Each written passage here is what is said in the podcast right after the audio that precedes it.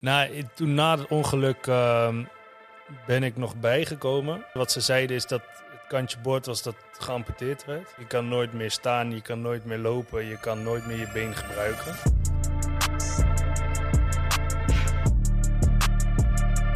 Welkom bij Puur de Podcast, alweer de derde podcast samen met Delano, co-host. De tweede podcast hebben we samen opgenomen, zijn we met elkaar de diepte ingegaan. We hebben leuke vragen aan elkaar gesteld. En vandaag hebben we weer een gast, altijd leuk. Eh, Puur de Podcast gaat over ondernemen, ehm, ja, sportief succes, mooie echte verhalen. Ehm, ja, verhalen die eh, gaan over winnen, verliezen, mooie momenten in de sport, mooie momenten in het ondernemen. Eh, de minder mooie momenten in het ondernemen en in de sport. En ehm, ja, ik denk dat we vandaag een hele bijzondere gast hebben. Iemand die ik ook al vanuit sportliefhebber zelf een tijd volg. En iemand met een heel mooi verhaal, maar ook wel een treurig verhaal. En vandaag hebben wij eh, ja, Leon de Kogel te gast. Iemand die eh, ja, een mooi verhaal heeft, eh, die hij waarschijnlijk zelf beter kan vertellen. Ook wel een, eh, ja, een bijzondere afloop heeft gehad in de sport. Ehm, en ik denk dat heel veel mensen daar wel veel van kunnen leren. Eh, Leon, welkom. Dankjewel, leuk om hier te zijn. Ja. Top, top om je te ontvangen. Nou, top Delano dat jij er ook weer bij bent. Je bent het nog niet zat. Nee, maar weet je, je intro is mooi, maar het gaat ook over het leven. Dit, dat, Ja. dat, dat stukje moest er nog even bij. Ja, nou, daar kunnen we zo eh, wat dieper op induiken. Precies. En eh, nou goed, vandaag gaan we het dus hebben over Leon de Kogel. Inmiddels eh, 30 jaar, ex-profvoetballer. Ehm, ja, en dat is al bijzonder te noemen, omdat je natuurlijk normaal gesproken kun je nog een paar jaar mee. En in dit geval is dat eh, abrupt ten einde gekomen. Ehm, daar wil ik het zo even over hebben. Maar misschien kun je wat meer vertellen over jezelf en over eh, ja, hoe jouw carrière of leven is begonnen als eh, topsporter. Ja, tuurlijk. Nee, eh 30 jaar, wat je al zei. begonnen toen ik vijf jaar was bij SV Houten. Mhm. Ehm, ja, daar als klein jochie begonnen. Toen als verdediger. Dus best wel gek. Uiteindelijk spits geworden bij een profclub. Maar toen ik 16 was, toen werd ik in de spits gezet. En toen kwamen er zo ontiegelijk veel clubs kijken eigenlijk. Omdat ik het zoveel eh, scoorde. En toen werd ik gescout door eh, Utrecht. Vitesse was dat toen. RBC toen nog bestond. En Ajax. Mhm. En toen eh, gekozen voor Utrecht en ehm, daarheen gegaan. Tweedejaars A-junior. Dus dan ben je 17 jaar, zo uit mijn hoofd. En ja, toen is het heel snel gegaan. Toen eigenlijk één jaar A, eh, A1 gespeeld. Toen naar het tweede gegaan. Daar maar een half jaar gespeeld. En eigenlijk gelijk naar het eerste. En eh, ja, zo is het bij mij begonnen. Verder, ehm, ja, gewoon normale jeugd denk ik gehad. Twee broers. Ehm, twee ouders die nog bij elkaar zijn. En ehm, ja, hele normale jeugd gehad. En verder, eh, ja, ik denk Ja. dat het zo nog wel over gaan hebben. Maar Ja, heel ja, veel uitstappen gemaakt. En van alles gebeurd eigenlijk in mijn leven. Ja, Ja, er is eh, zeker veel gebeurd. Jij speelde op een gegeven moment bij FC Utrecht. Daar eh, ja, ook een aantal keer een ba- basisplaats gehad. En ehm, ja, hoe, hoe is dat toen verlopen, zeg maar? Wat, wat is het verloop van, eh, van in ieder geval jouw, jouw voetbalcarrière geweest vanaf dat moment? Nou, je moet je voorstellen, je komt natuurlijk als, als jonge jongen die eigenlijk nooit echt topsport heb ge- heeft gedaan bij een profclub. Dus ik had daar wel heel veel moeite mee op het begin qua intensiteit, zeg maar, qua, qua trainingen. Veel blessures gehad ook, dus veel spierblessures. Ja, ik ging van twee keer trainen eigenlijk naar eh, ja, zeven keer per week bijna op, eh, op de club. Ja.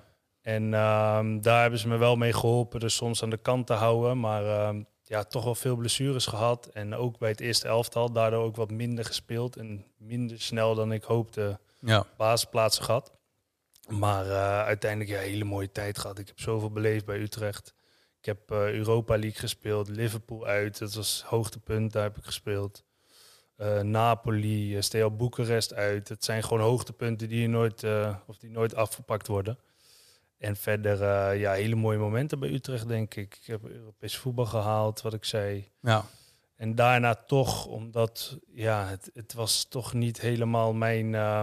ja, ik, ik kreeg mijn plek niet, zeg maar, in de basis daar.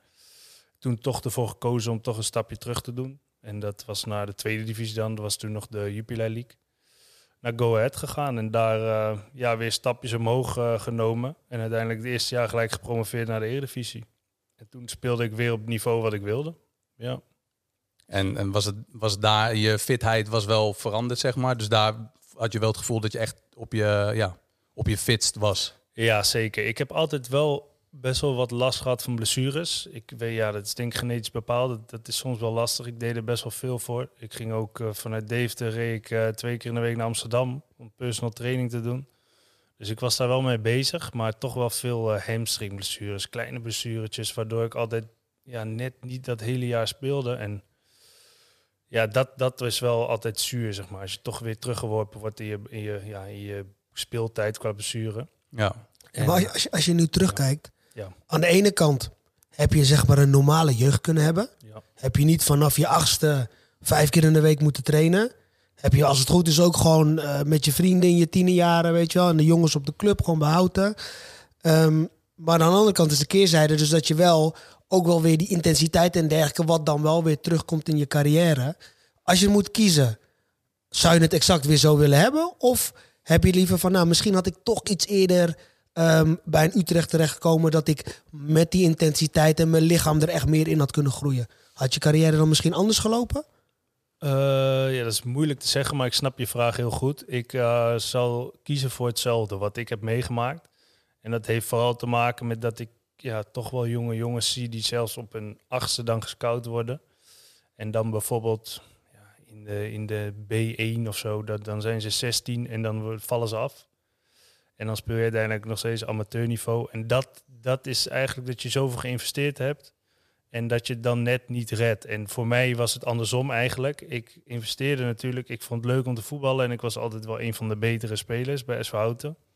Maar ik had er nooit rekening mee mee gehouden dat ik prof ging worden. Mm -hmm. En ik heb gewoon, ja, ik ging vroeger ook hier naar de Brodders. Ik, ik heb alles gewoon gedaan. Ik ging de stad in met mijn vrienden. Ik heb alles meegemaakt, eigenlijk wat, wat ja, veel mensen in hun jeugd hebben gehad.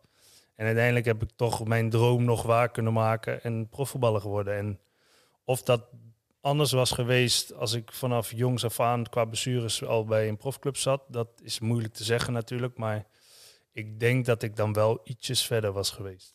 Kan, kan je nog in je herinnering terughalen dat, want ja, je bent 16, 17 en in één keer heb je een jaar dat je de ene bal naar de andere bal erin schiet en er is allemaal interesse van BVO's. Kan je nog dat moment terughalen dat dat echt bij je door, doordrong van hé, hey, ik ben uh, gewild nu. Ja. Nou, het allergekste is, ik speelde dat jaar daarvoor eigenlijk gewoon nog centrale verdediger. Dus ik speelde, ja, ik, ik vond het leuk om te voetballen, maar ik wilde eigenlijk ook goals maken. En ja, die trainer kwam, je mag voorin spelen in de A1. was eerstejaars A1 bij, uh, bij Houten. Ja, dat ging in één keer zo goed. Ik scoorde achter elkaar en de clubs kwamen kijken. En ik speelde dan het eerste op mijn vijftiende bij Houten. En uh, ja, dan ga je in één keer denken van, het zal toch niet, weet je wel. Als het, als het zo doorgaat, dan word ik nog scout ook. En toen uh, moest ik een proefwedstrijd bij SU Utrecht doen. En toen uh, wonnen we 7-1 of zo, maakte ik er 5.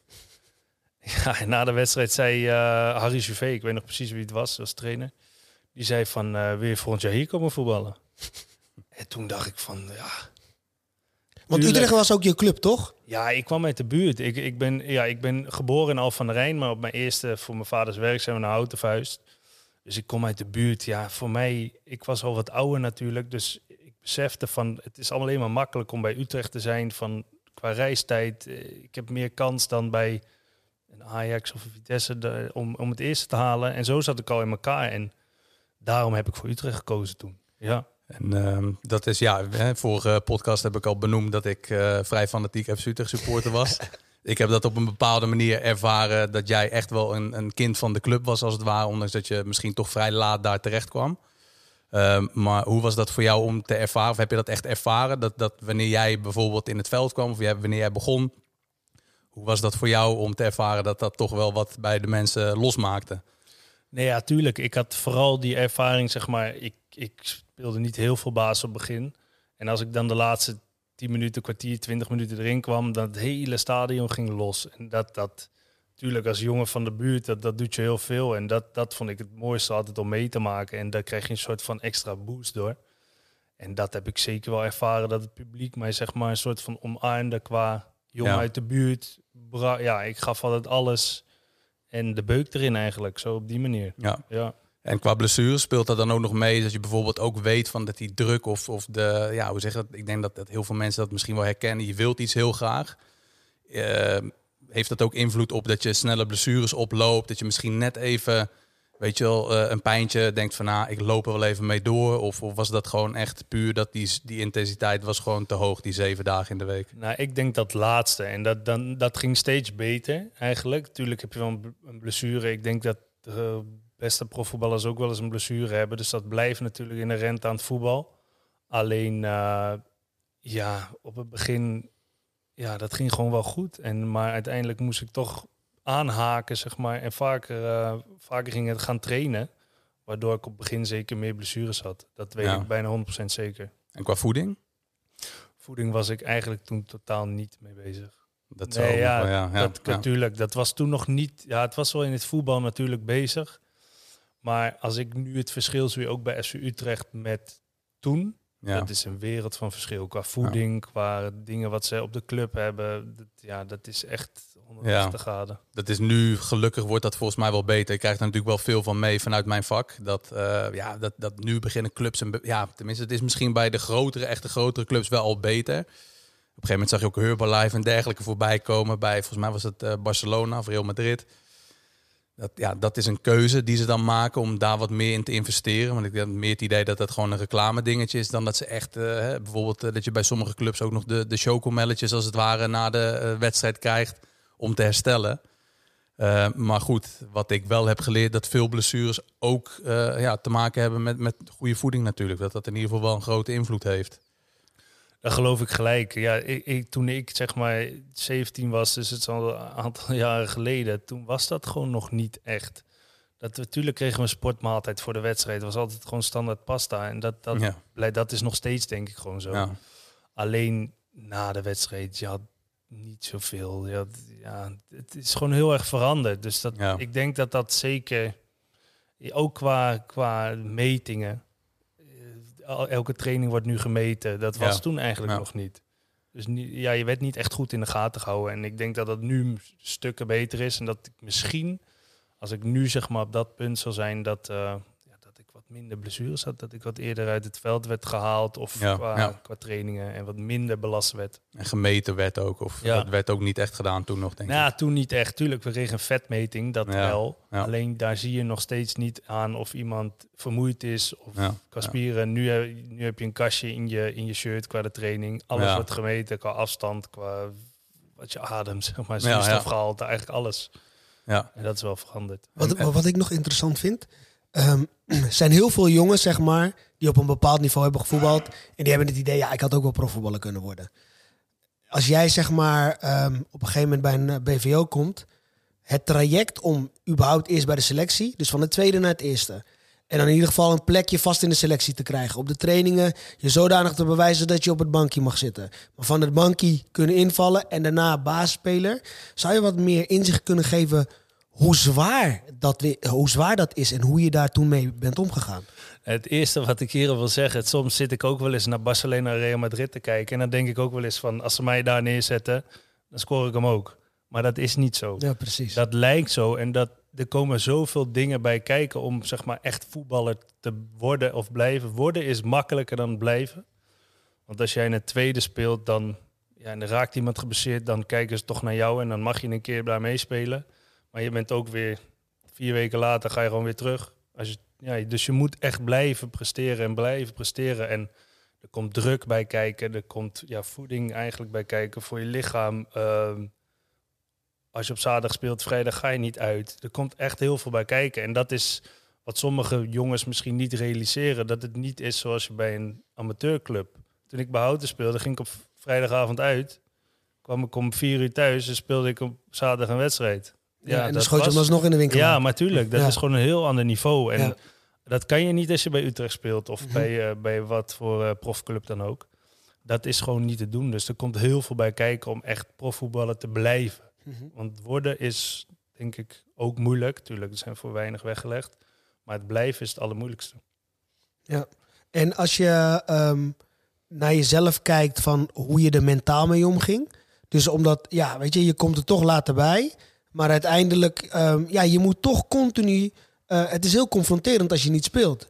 Dus weet je, iedere week en wat je zegt. En als je wel speelt, dan voel je weer een bepaalde druk. En het is natuurlijk top als je wordt toegejuicht. En, maar mensen verwachten ook iets van je. En als je daarna in de basis staat, dan wil je niet falen. Weet je, dus hoe, hoe is dat? Hoe, om, om met topsportdruk om te gaan? Dat is denk ik het allermoeilijkste. Ik, ik kan jou... Ik heb in de A1 bij Utrecht gespeeld. Ik kan jou eh, misschien eh, acht jongens eh, vertellen die echt misschien wel tien keer beter konden voetballen dan dat ik kon. En ook dan andere jongens die nu nog steeds profvoetballer zijn. Maar die konden gewoon niet met die druk omgaan. En elke week moet je presteren. En als je het een week niet doet, oké, moet je toch in je hoofd hebben van volgende week moet ik wel weer presteren. En ja, je moet je niet laten afleiden door publiek, door media. En dat zijn hele grote factoren, denk ik, waar mensen zich toch laten door beïnvloeden, heel erg. Waardoor je toch verkrampt gaat spelen. En waar, waardoor ik heel veel jongens ook zie, heb zien afvallen eigenlijk, afzwakken. En wat, wat zijn tips of trucs die jij hebt toegepast om daar dan mee om te gaan? Had jij bijvoorbeeld een, eh, een maatje bij FC Utrecht die, die jou daarbij hielp? Of hoe, hoe ging dat? Nou ja, kijk, op het begin eh, las ik zelfs nog bij FC Utrecht, weet ik nog, fcutrecht.net. Was supporters. En dan ging ik kijken, weet je wel. Dan ging ik na de wedstrijd lezen wat mensen over mij dachten. En de ene week was dat dus fijn om te lezen. Maar de andere week was het, dacht ik van, ik kan helemaal niks van, weet Ja. je. Ik kan het niet meer. Maar dat, dat soort dingen, moet- dat is eerst, dat moet je gewoon niet doen. Dat moet je ook niet doen als je een goede wedstrijd hebt gespeeld. Maar ook vooral niet doen als je een slechte wedstrijd hebt gespeeld. Want dat, dat helpt je niet. En Nee. wat wij hadden toen was een eh, psycholoog. Dat was toen al bij Utrecht wel een beetje aan de gang. Ik heb daar best wel wat mee gepraat toen. En dat heeft mij uiteindelijk geholpen. Waardoor ik mij heel goed af kon sluiten eigenlijk van buitenaf. Dus als ik op het veld sta, had ik niet eens echt door dat, dat ik in een stadion aan het voetballen was. En buiten het voetbal was ik ook niet bezig met kranten en dat soort dingen. Dat hielp voor mij. Ja. Ja, mooi. mooi. En, en, en wie, wie was jouw maatje bij FC toen die tijd? Dat jij daar speelde? Of... Ja, je had best wel veel van de A1 zijn er best wel wat door of doorgebroken bij FC Utrecht toen eh, dat moment. Eh, ja, dat was Kai Herings toen, Chavero Marquiet was er toen nog. Mark van der Marel was er toen al. Dat waren, ja, dat waren echt, ja, die zitten, Die zitten nog steeds, hè? Ja. Sta je nooit daarvan te kijken? Had je verwacht dat hij het zo lang, zeg maar op dat niveau, zoveel wedstrijden zou volhouden? Nou, het knappe is, kijk, dat is weer zo iemand. Ik kan jou misschien tien jongens opnoemen uit daar en die stukken beter konden voetballen. Dat is gewoon zo. En dat weet Mark waarschijnlijk zelf ook. Maar mentaliteit en voeding en rust, dat soort dingen, dat, heb, dat is echt knap dat hij er nog steeds zit. En ik weet niet of ik... Ik had wel verwacht dat hij, zeg maar, Mhm. dat Utrecht misschien zijn hoogste zijn plafond is. Ja, dat ja, had ik ja. misschien wel verwacht, maar dat hij het zo en ook nog echt elke keer knokt hij zich toch weer erin. En dat vind ik echt heel knap. Ja, Ja, ja respect. precies. Dat, eh, daar heb ik heel veel respect voor. Vooral omdat je weet dat je niet de allerbeste voetballer bent. Maar ja, dat zie je toch in het voetbal zijn andere aspecten ook heel belangrijk. Hey, maar vertel even over Anfield, hè? Ja, Om daar te spelen tegen Liverpool. Sowieso, überhaupt voor Utrecht. eh, de wedstrijd tegen Napoli, tegen Liverpool. Dat, is, dat blijft natuurlijk in de geschiedenis, in de historie van Utrecht. Maar, maar maakte dat, dat extra los? Of is dat allemaal als een soort droom gegaan? nou ja tuurlijk. Wij, wij, eh, ik zat er toen nog niet bij. Celtic verloren we volgens mij 2 of 3-0 uit. Oh, dat weet je wel, ja. Ja, thuis wonnen we 4-0. Ja. En toen gingen we naar de groepsfase. En we zaten nog in de kantine te kijken bij Zoudenballig. En toen zaten we te kijken van tegen wie moeten wij, weet je wel. En toen kwamen Steaua Boekarest, Napoli en Liverpool. En eh, mijn, eigenlijk de eerste wedstrijd dat ik echt erbij zat, was Steaua Boekarest uit. En toen viel ik ook na 70 minuten ongeveer eh, in. Ja, dat tuurlijk, maar dat was niet echt de sfeer. Dus ja, tuurlijk was het mooi dat je Europa League, maar niet de sfeer. En toen, ja, Liverpool uit. Daar had iedereen het over. Hoeveel man zaten, er, zaten daar in het uitvak? Iedereen had het al eh, weken van tevoren, allemaal kaartjes. En eh, ja, vrienden van mij zaten daar. En, eh, maar ik zat gewoon op de bank. Ja, tuurlijk, maar het was wel mooi om mee te gaan. En toen Van Wolfswinkel net voor de rust, die eh kopduel en die brak zijn sleutelbeen. Dus de trainer zegt, ja Leon, ga maar lopen. Ja. Spanning mijn hart zo. Ja, ja. Dus ik dacht, ja, oké, ja, ik ga wel, maar ik, wel spanning. Dus ik ging lopen en eh, ja, je, zag al dat, dat hij het gebroken had uiteindelijk. Dus hij ga, ga er maar in. Dus ik, eh, vijf minuten voor rust of zo, kwam ik erin. Eerste kopduel. Ik kopduel, maar ik denk, skretel. Die- Ah ja, maar dat was een best Hij hoor. ging dwars Ja. door me heen, hè. ik denk, ik oké, oké, dit is het. Ja, dit is het. Maar was je niet langer? Want hij was wel lang, maar niet Ik was wel 1,95 langer, toch? Maar ja, Ja. weet ik veel, dat, dat hij gelijk vol knalt zo door mijn hoofd bijna heen. Nee, dat, dat weet ik nog heel goed. En daarna eh, ging hij er wel uit. kwam Kirgiakos erin, zo Griek. Die was nog groter dan dat ik was. En eh, maar gewoon die sfeer en zo, ook na de wedstrijd, naar het uitpubliek. En, maar ook gewoon, het zat best wel vol met Liverpool-fans. En ik speelde best wel een goede wedstrijd. Ik speelde 0-0. Ik kreeg ook daarna veel complimenten, ook van teamgenoten, weet je wel. Dus ik had echt een goede wedstrijd gespeeld. En ja, daar heeft iedereen het nog over. Wat jij ook zegt nu van Liverpool uit, dat is gewoon het moment van Utrecht nog steeds. En daar heb ik toch wel deel van uitgemaakt en best wel lang gespeeld. Dus dat, ja, tuurlijk, dat zijn de momenten die, eh, die blijven je altijd bij. En dat is denk ik het mooiste moment wat ik in mijn carrière heb meegemaakt. Dat denk ik wel. Heb Ja. je nog een shirtje toen gerouwd? Of, eh? Ben kwijtgeraakt. Ja, dat is heel erg dit. Ja, met maar met wie? met wie heb je... Met wie heb je Ja, met de jonge gozer. Ja. Eh, hij stond links, eh, links centraal. Ja, Maar ja, gewoon dat shirt alleen al. precies. Ja, ik Gewoon de herinnering. Ja, maar ik heb een foto dat we voor het uitpubliek, gewoon voor Utrecht publiek staan, dat ik hem aan heb. Dat Ja. Liverpool. Maar ja, ik ben hem kwijt. ja, dat is erg hoor. Ja, het is wel, het is wel een dingetje. Ja, dat is zeker een ding. Maar ik heb, ik heb wel de foto nog dat ik hem een soort Ja, van ja. aan heb. Maar ik ben hem kwijtgeraakt met verhuizing. Maar ja, gewoon. Ik, ik heb nog wel eens eh, later op eh, Fox Sport was dat toen nog. Heb ik wel eens eh, die samenvatting gezien. Ja, ik weet niet, ik kreeg gewoon kippenvel of zo. Ja. Terwijl het stadion zelf is helemaal niet zo heel erg mooi. Of, Mhm. Maar het is gewoon Liverpool ja. en sfeer. De en historie, ook ja, buiten. Ja, daarna gingen we ook naar het hotel. Zijn we nog de stad ingegaan. Supporters daar helemaal vol. Alles. Ja, dat was gewoon... Ik weet niet, die, dat, die hele twee dagen waren gewoon mooi. Ja, echt. Profvoetbal eh, gewoon ten top. Gewoon, eh, ja. Dat is eigenlijk waar het voor doet. Dat Ja, zijn ja. de momenten. Er zijn heel veel klote momenten, zeg maar, bij het ja. voetbal. Maar dit soort momenten, dat, dat maakt het dan weer goed. Ja, Ja. zeker. ja, mooi. En, en, en daarna, ja, dat was dan je hoogtepunt. La- later ben je naar, naar Go Ahead gegaan. Ja, tuurlijk, daar heb ik ook een hoogtepunt meegemaakt. Maar Ja. dat is, eh, toen speelden we Jupiler League. Maakte ik 26 goals dat seizoen, dat eerste seizoen. Maar alsof het niks is, hè? Ja, zeg ja. maar, kijk, tuurlijk. het is je gaat van normaal. Ut ja, maar je gaat van, van, van Utrecht naar, de, naar Go Ahead. Wat natuurlijk ook een prachtige club is. Ja. Maar 26 goals maakt niet uit op welk niveau. In de senioren is gewoon... Het zijn 26 goals, hè?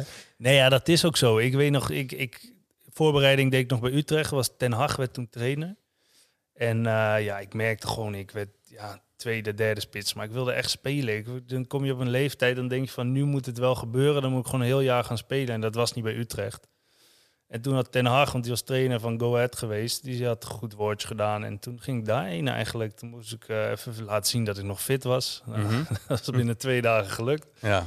Dus toen eh, werd ik gehaald en ja, eigenlijk het hele jaar gespeeld. 26 goals, alles goed. Gelijk gepromoveerd naar de Eredivisie. Alleen eh, ja, toen eh, gelijk weer tegen. Ja, Ja. ja maar Ja. goed. Maar aan de andere kant, om zo'n seizoen mee te maken waarin je promoveert. Want dan zit je natuurlijk ook in een bepaalde flow. Weet je wel? Want, want ja, uiteindelijk, als jij aan de lopende band scoort, de punten worden gepakt, sfeer is goed. Dus ik denk dat het ook wel een bijzonder jaar was. Ja, en het gekke is daar, ik ben eigenlijk bijna niet geblesseerd geweest. Dus dat is wel gek. Of Ja. dat echt, ik was toen wel echt bezig met mijn lichaam, maar was ik daarvoor ook wel.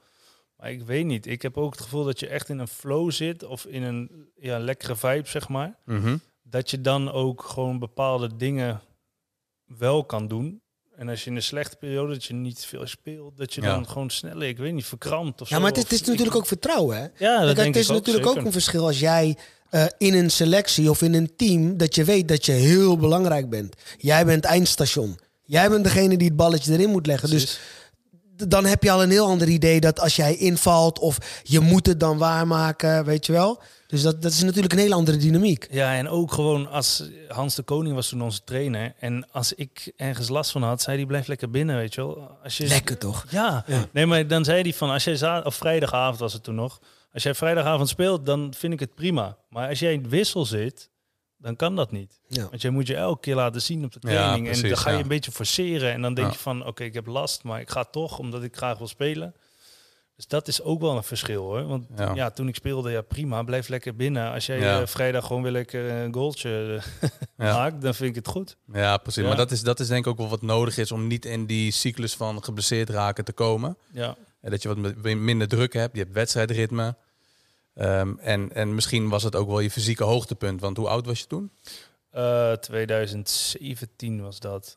Ja, nu 30. Ja, Ja. ja. was ik eigenlijk wel. 26 jaar, Ja, dus dan ben je op je top eigenlijk, Ja, zeggen ze. dus dat, ja. dat speelt Ja. natuurlijk ook wel mee. Misschien heb je ook wat meer ervaring met wat je dan in een training wel of niet moet doen. Maar ik denk dat dat wel heel veel eh, ja, uitmaakt. Of je bij FC Utrecht zeg maar je plek eh, moet bemachtigen of, eh, ja, of bij Go Ahead. En, en dat is natuurlijk ook nog steeds heel moeilijk. Maar als je gewoon op een gegeven moment merkt van nou, als je, zolang je scoort, is die druk weg. En als je blijft scoren, dan, dan komt die druk ook niet terug. En dat, dat zeg ik dan ook als uh, oudspits van een eh, stuk minder hoog niveau. Maar dat, is, dat merk je gewoon op elk niveau. Kijk, je doet iets omdat je wilt winnen. En je doet iets omdat je daarvan eh, ja, je beste versie van jezelf wilt laten zien. En, en tot uiterste wilt gaan.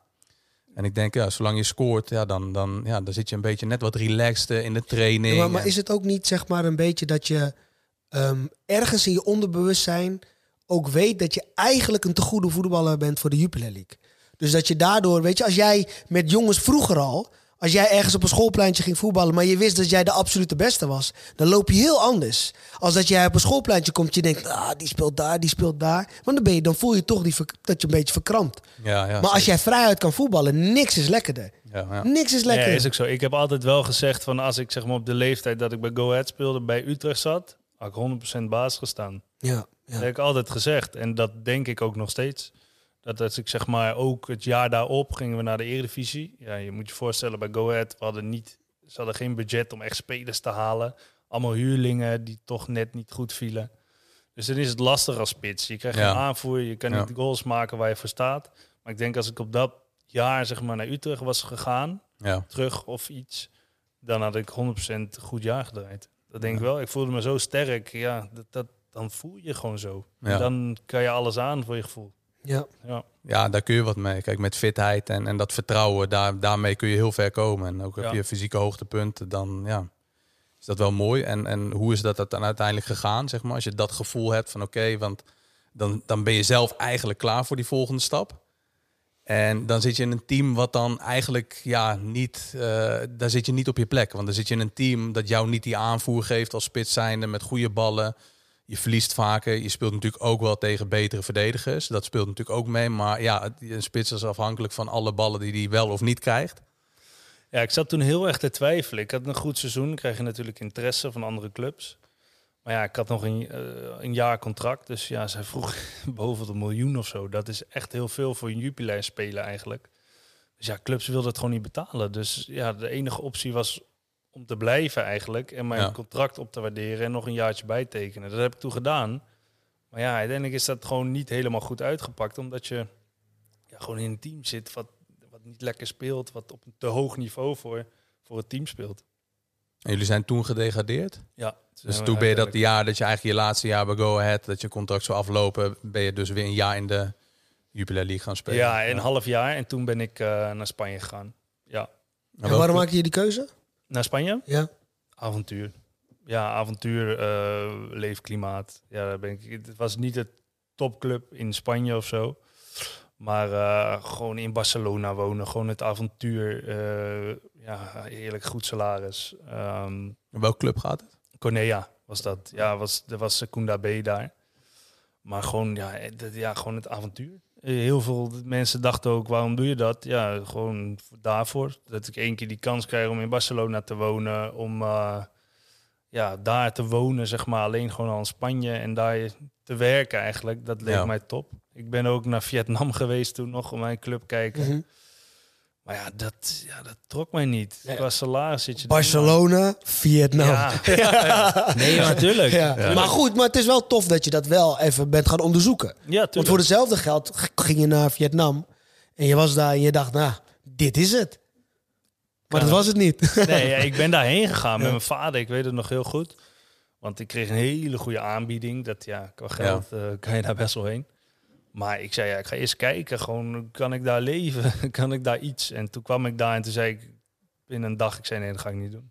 Ja. Toen ben ik nog heel veel vakantie gevierd en ben ik naar huis gegaan. Ja, precies. Ja, en die dag daarna ben ik naar Schotland gegaan. Ja, Toen ben ik bij Hearts geweest. Hearts, een hele grote club in Schotland. Maar ik kwam financieel niet uit. Ja, ik, ik, je moet er toch wel iets aan overhouden van... ehm, had wel bij je gepast, denk ik. hoor. ja, denk ook. Ik had het Dingen, ook wel, Ma- ja. Mark de Vries is bij Hearts heeft hij een mooie ja. carrière gehad. Dus ja. gewoon fysiek sterk daar. Ja. En als je daar een paar erin schiet, dan ben je het mannetje. Nee, maar dat is ook zo. En ik wilde er ook graag komen. Alleen ja, soms is financieel als je daar slechter van wordt, zeg maar, Ja. Ja, precies. dan moet je toch andere keuzes maken. En toen ben ik eigenlijk die dag daarna alweer naar Barcelona gegaan. Mhm. En ja, dat voelde voor mij gewoon lekker. Gewoon het leven, gewoon die club was, was een club die wilde gaan groeien. Nou, dat zag ik mezelf al spelen. En eh, ja, we speelden Real Mallorca uit, eh, op eh, Formentera, op Ibiza. Gewoon dat soort, ja, Ja, dat ja. heb ik toch, dat is toch leuk. Pakt ook niemand meer van je Nee, af. daarom. Nee. Dat zijn Pakt toch niemand leuke meer van dingen. je af. Uitwedstrijd op Formentera, ja, dat is toch leuk. Dus, toch? dus, ja, ja. Ja. zeker. Normaal ga je op vakantie daar. Precies. En alleen, ehm, eh, je hebt twee kinderen, twee, twee jongens. Ja. Eh, maar je was toen ook al vader. Ja. Zijn, was je gezin toen meegegaan naar Barcelona of Ja. ben je alleen gegaan? Nee, ik was toen, eh, toen was nog samen. Mhm. Ik ben nu inmiddels uit elkaar hoor, een aantal jaar ge- geleden.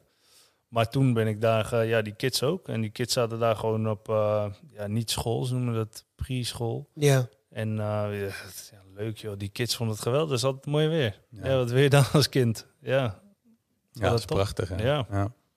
Ja, want je, bent, je bent dan ook bezig, zeg maar, want hè, je, je bent dan met geld bezig. En ik denk dat dat voor luisteraars ook wel interessant is. En kijkers dat ehm, ja, in het leven draait het natuurlijk ook om geld. En helemaal als profvoetballer zijn, je hebt een hele, heel klein tijdsbestek eigenlijk om je geld te, verdienen. Want jij stort natuurlijk je hele leven op je salaris als voetballer, zeg maar.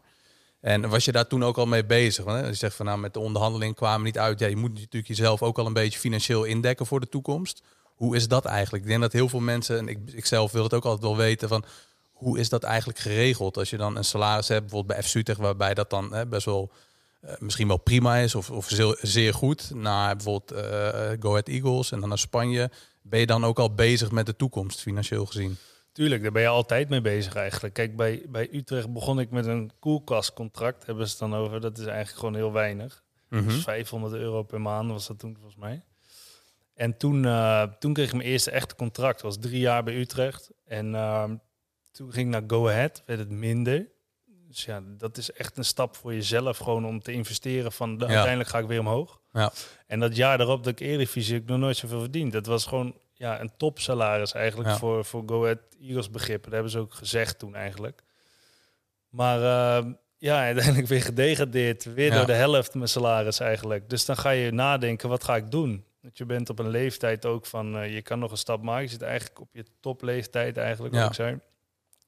En dan ga je naar Vietnam en dan denk je van, als het wat is, dan kan ik echt mezelf soort van binnenvoetballen. Ja, Maar ja, ja, dan ben ik toch nog iemand die toch te veel van het leven houdt. ja, ja. En die zich niet als een kluizenaar op gaat sluiten voor geld, zeg maar. Ja. Want je kan daar eigenlijk niks. En eh, dan ga je voetballen en eh, dan ga je naar huis, Playstation de hele dag. En de dag Ja. daarna ga je weer. En Dat is het ook niet. Nee, en aan het eind van de maand heb je wel een dikke bankrekening, maar toch hecht ik dan meer waarde aan het leven gewoon, zeg Ja. maar. Dus toen, eh, ja, Schotland, wat ik zei, moest ik mijn eigen huis betalen. Ehm, auto moest ik zelf betalen. Dat zijn niet echt de beste randvoorwaarden. Nee, daarom. Dus ik kwam daar gewoon niet uit. En ja, ga jij maar een huis Ja. in, in, in Edinburgh was dat toen. Ga die maar zoeken. Ja. Dan ben je veel geld kwijt. Dus Ja. ik kwam daar gewoon niet uit. En dat, zij konden niet zoveel betalen, omdat het, ja, het ging slecht met die club eh, qua Ja, ja. financiën. Dus dan zeg je gewoon, nee, ik doe het niet. Hoe graag je het ook wil, Ja, maar je ja. moet toch denken aan je financiën soms. Ja, ja.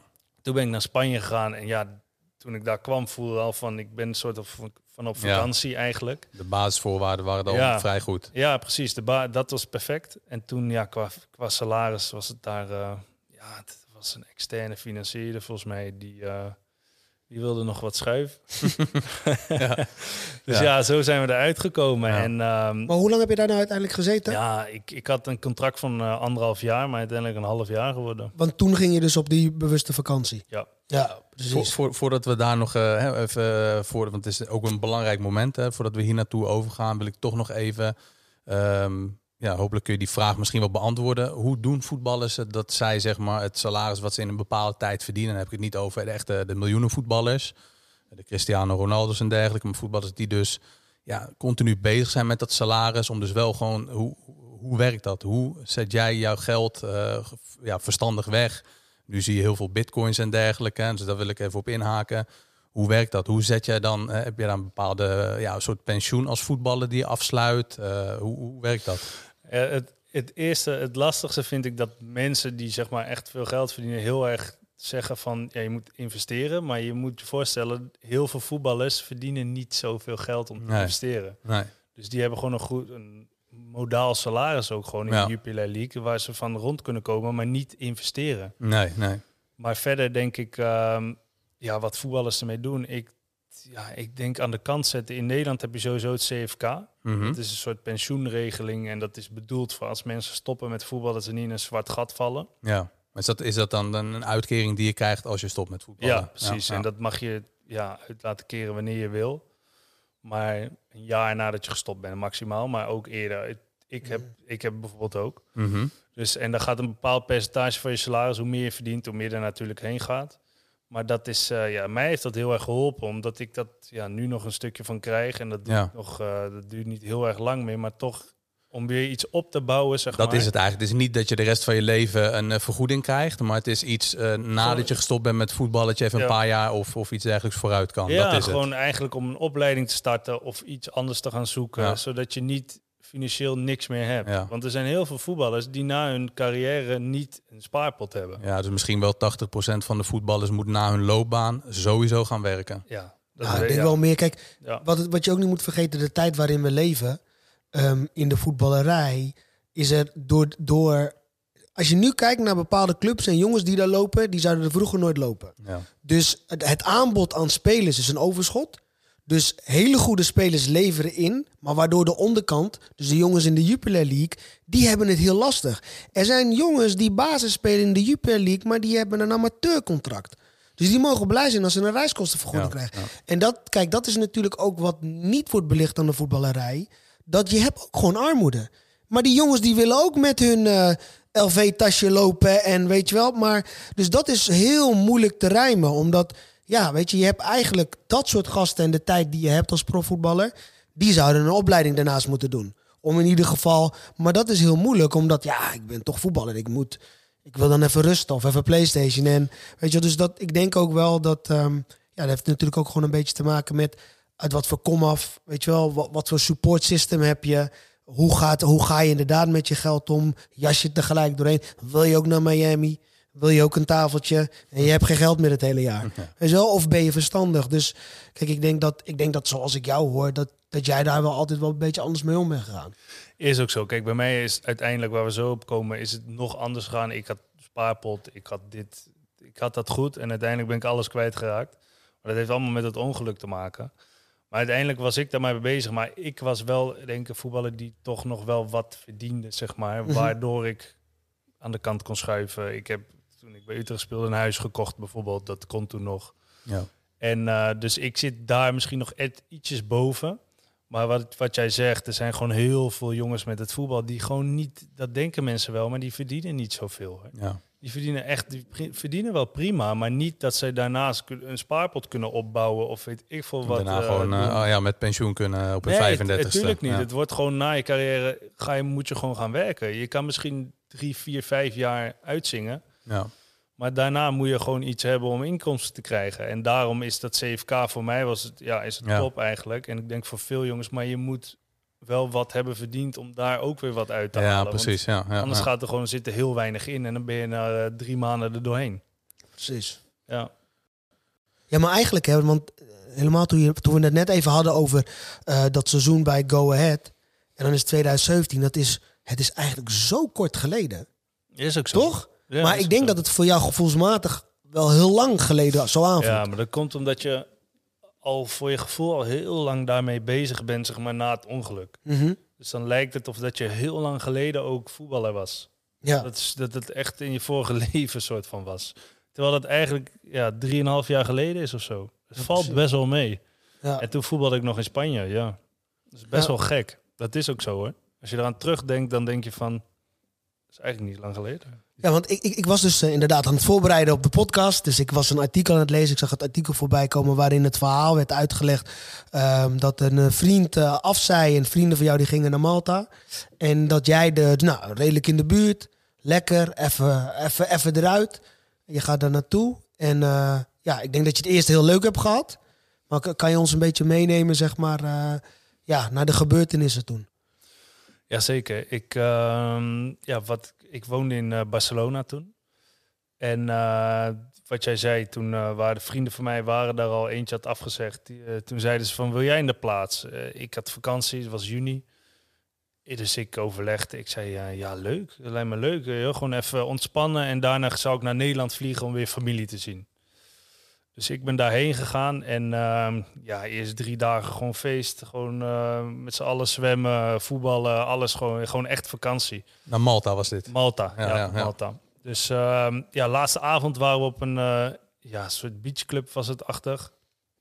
En eh, dat begon in de eindmiddag. Ik denk rond een uurtje of vier. En helemaal leuk gehad. En uiteindelijk ehm, ja, ben ik eigenlijk een, eh, een taxi ingestapt van A naar B. Wilde nog naar de stad. En daar ben ik alleen ingestapt. Ben ik voorin gaan zitten. En die, eh, ja, rond een uurtje of half twaalf was dat, voor kwart voor twaalf. En die heeft eh, de ja, verkeerde inschatting gemaakt. En die is op de verkeerde hef, weghelft geraakt. En daar zijn we, ja, wat ze zeggen, met 80, 90 of zo frontaal op elkaar geklapt. Met een andere auto.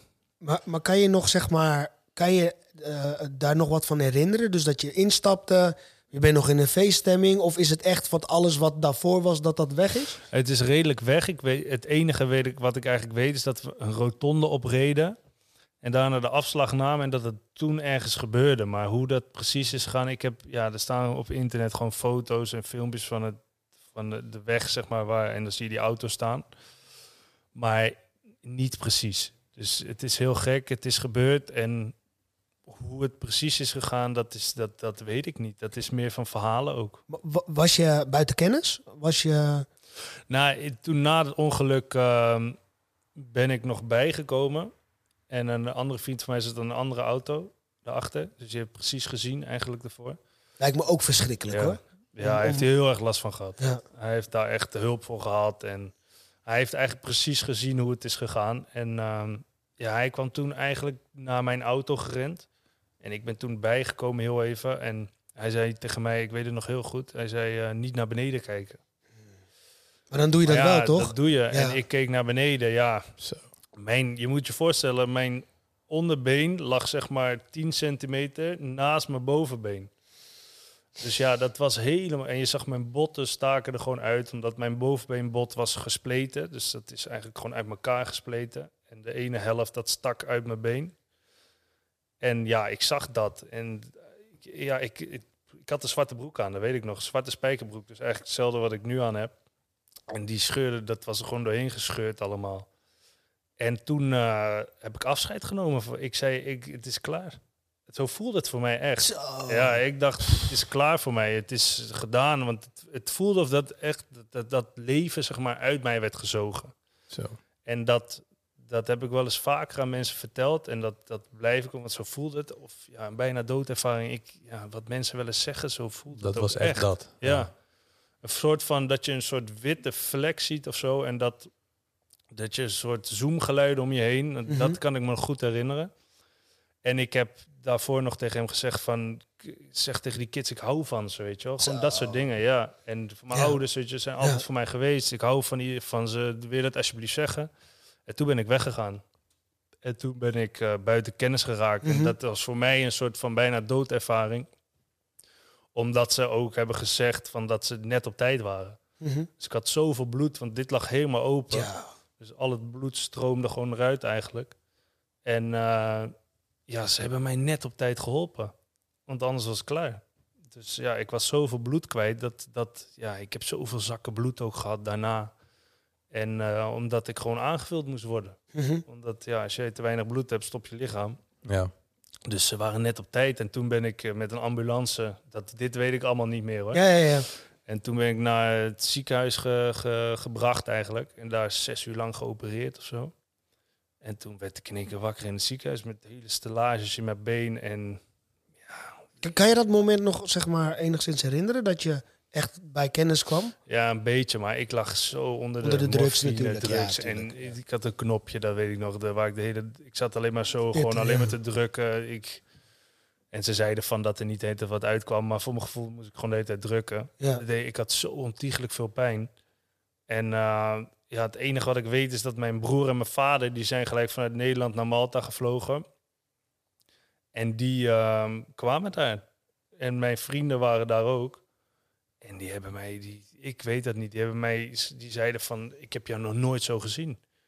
Maar gewoon. Maar hoe was dat dan? Wat zagen zij dan? Ja, gewoon schreeuwen, eh, schelden. Ik, ja, van alles. Ik, Ja, weet, ja, ja. ik weet het allemaal niet meer. Maar gewoon ehm, heel gek, zeiden ze. En toen werd ik wakker, maar ja, ik kon niet bewegen. Ik kon eigenlijk helemaal niks. En toen weet ik nog dat mijn vader en mijn broer er waren. En eh, ja, eigenlijk niks van meegekregen, joh. Weet daar heel weinig van. Het enige wat ik weet is dat het op maandag gebeurde en dat ik op donderdag naar Nederlands, Nederland moest vliegen. En eh, toen hebben ze mij nog zakken bloed gegeven waar ik allergische reacties op kreeg. Toen zei mijn vader van nu is Mhm. toen dacht hij echt van nu gaat hij alsnog. Ik lag te trillen en te shaken. En eh, ja, toen hebben ze gestopt met bloed. En toen eh, uiteindelijk ander bloed gekregen. Dat bleek wel goed. Maar eh, toen met een speciale doktersvlucht ben ik naar Nederland gevlogen op donderdag. En eh, ja, zo ontiegelijk veel pijnstillers gehad dat ik niet eens... Ja, ik, ik was, Heel weinig van meegekregen. ja, ik weet dat nog wel. Alleen mijn vader en mijn broer zeiden ook van... Jij was zo niet jezelf, weet je wel. Ja, maar wat wil je zo- ook, man? Ja, is ook zo, Ja, natuurlijk. je, je lichaam staat op volledige Ja. eh, eh, eh, overleefmodus. Precies dat. En, ja. en, en als je dan ook al helemaal wordt platgespoten. Maar wanneer was dan het eerste moment dat je, dus zeg maar, dat, dat kan maanden daarna zijn, maar dat je echt het ook, eh, het besefte kwam. Wat er nou is gebeurd, hoe je erbij ligt en hoe je leven dan anders gaat verlopen. Dat was pas eigenlijk na een soort van twee weken. Want de eerste, eh, eerste week was ongeveer Malta dan. Donderdag ging ik terug. Maar ik kwam in Nederland toen twee uur s'nachts of zo. Eh, mijn moeder was in het ziekenhuis. En toen hebben ze mij nagecheckt. Gelijk weer geopereerd, omdat het niet goed zat. Dus ja, ze moesten gelijk alles eruit halen. Opnieuw een binnen erin gedraaid. En alles opnieuw gedaan in Nederland. En ehm, ja, toen werd ik weer wakker. En toen de dag daarna weer geopereerd. En toen wakker, de dag daarna weer geopereerd. Zo. Toen de dag daarna weer een infectie. Het ging alle kanten op. Dus ik ben zeven keer geopereerd in de eerste twee weken. Dus- Maar, maar jouw lichaam moet wel verschrikkelijk sterk zijn. Ja, maar dat hebben ze ook gezegd. opvangen. Want het, het, het gekke is, zeg maar, dat alleen mijn been was. Want eh, je moet je voorstellen, als je met 90 tegen elkaar klapt, dan, dan gaat alles is eigenlijk kapot. Maar Ja. mijn knie zat vast tegen, de, tegen het dashboard. Dat is best wel groot, toch? En die heeft eigenlijk alles opgevangen, mijn knie. Mijn been. Dus De hele knal. Dus ze zeiden, jij, wat, jouw been was zo sterk, dat die die hele klap hebt. Want je gaat, ja, je ziet het aankomen, je spant alles samen, toch? Ja. Eigenlijk. Dus mijn hele been heeft eigenlijk die hele klap opgevangen. En die, ja, tuurlijk, die houdt het niet. Ja, bizar. Maar de rest wel. Dus eigenlijk is het alleen mijn knie en mijn, ja, mijn been eigenlijk. Dit was zo gebroken allemaal, maar dit allemaal was goed. Ik heb wat glas in mijn hoofd en mijn armen en zo, dat wel.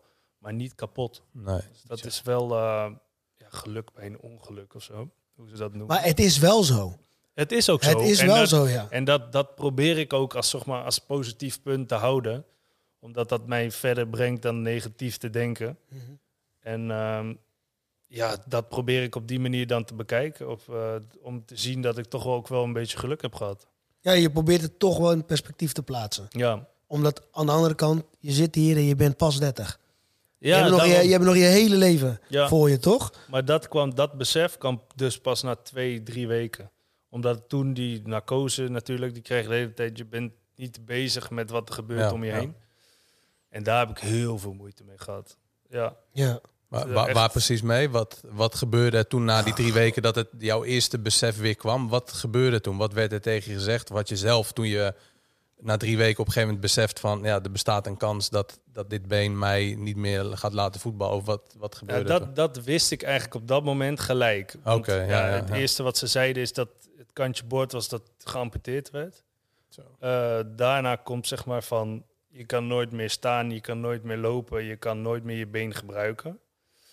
En ja, dat, dat doet je zoveel dat je, je gaat in één keer van alles wat je kan naar niks voor je gevoel. Terwijl dat misschien niet zo is, maar op dat gevoel heb je dat wel. Het is En- gewoon letterlijk je grootste nachtmerrie eigenlijk Ja, die realiteit is En geworden. toen kreeg ik zelfs ja, suïcidale gedachten. Dat heb ik echt toen gehad.